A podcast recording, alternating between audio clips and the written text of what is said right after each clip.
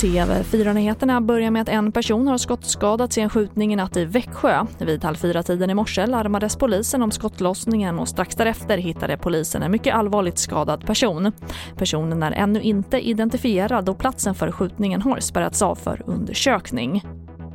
Och även i Gävle har det i natt skett en skjutning. Strax före tvåtiden i natt larmade en man på gatan i centrala Gävle om hjälp av polis och han togs direkt till sjukhuset. Skjutningen utreds som försök till mord men det är ännu okänt hur illa skadad mannen är.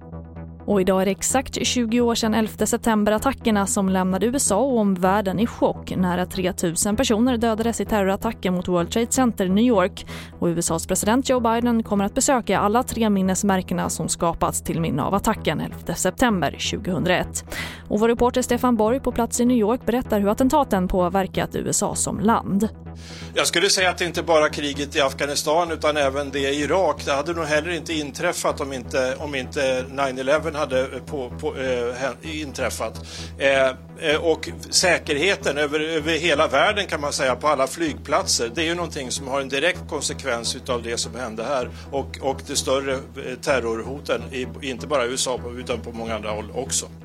Och fler nyheter hittar du i vår app TV4 Nyheterna. Jag heter Charlotte Hemgren.